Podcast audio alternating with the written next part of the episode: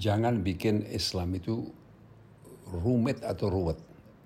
Islam itu sebenarnya sangat sederhana. Intinya apa? Intinya ada tiga, yaitu beriman, berislam, dan berihsan.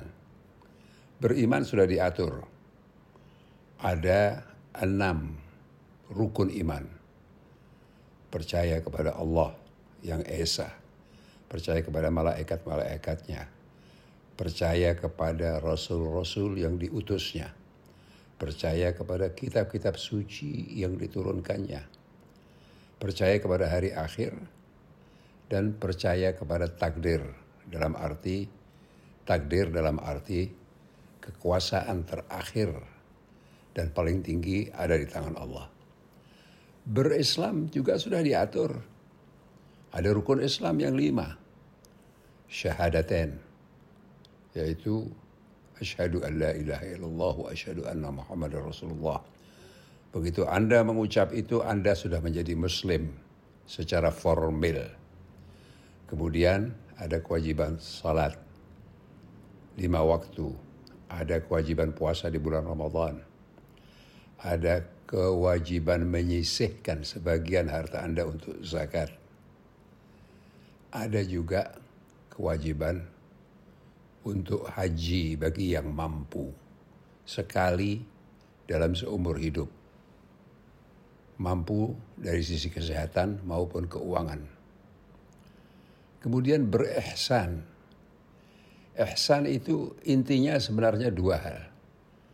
Yaitu amal saleh dan akhlak. Dua itu.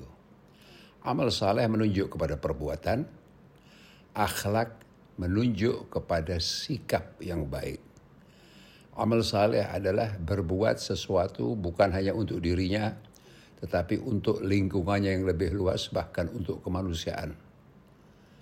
Sedangkan akhlak adalah bersikap positif kepada orang lain, tidak menyakiti hati orang lain, sebagaimana kita tidak ingin orang lain menyakiti hati kita. Baik dalam perbuatan maupun dalam kata-kata dan sebagainya. Itulah Islam. Selebihnya apa? Selebihnya ada aturan-aturan ibadah cara salat, cara puasa, cara wudhu dan sebagainya. Kalau kita tidak menguasai itu, kita tanya kepada yang mengetahui.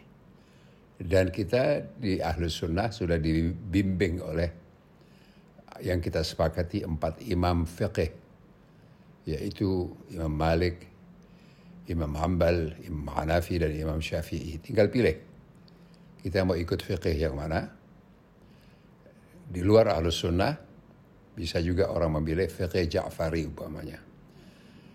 Nah, dalam hal ini kita boleh sepakat untuk tidak sepakat dan kita tetap seorang muslim. Itu saja. Kalau itu sudah kita laksanakan, kita adalah seorang insya Allah, seorang muslim dan mukmin. Selebihnya kita serahkan kepada Allah untuk menilai kita. Dan di dunia kita harus berusaha untuk memperbaiki nasib kita di dunia sehingga umat Islam tidak ketinggalan baik dalam ilmu pengetahuan, teknologi maupun kesejahteraan ekonominya.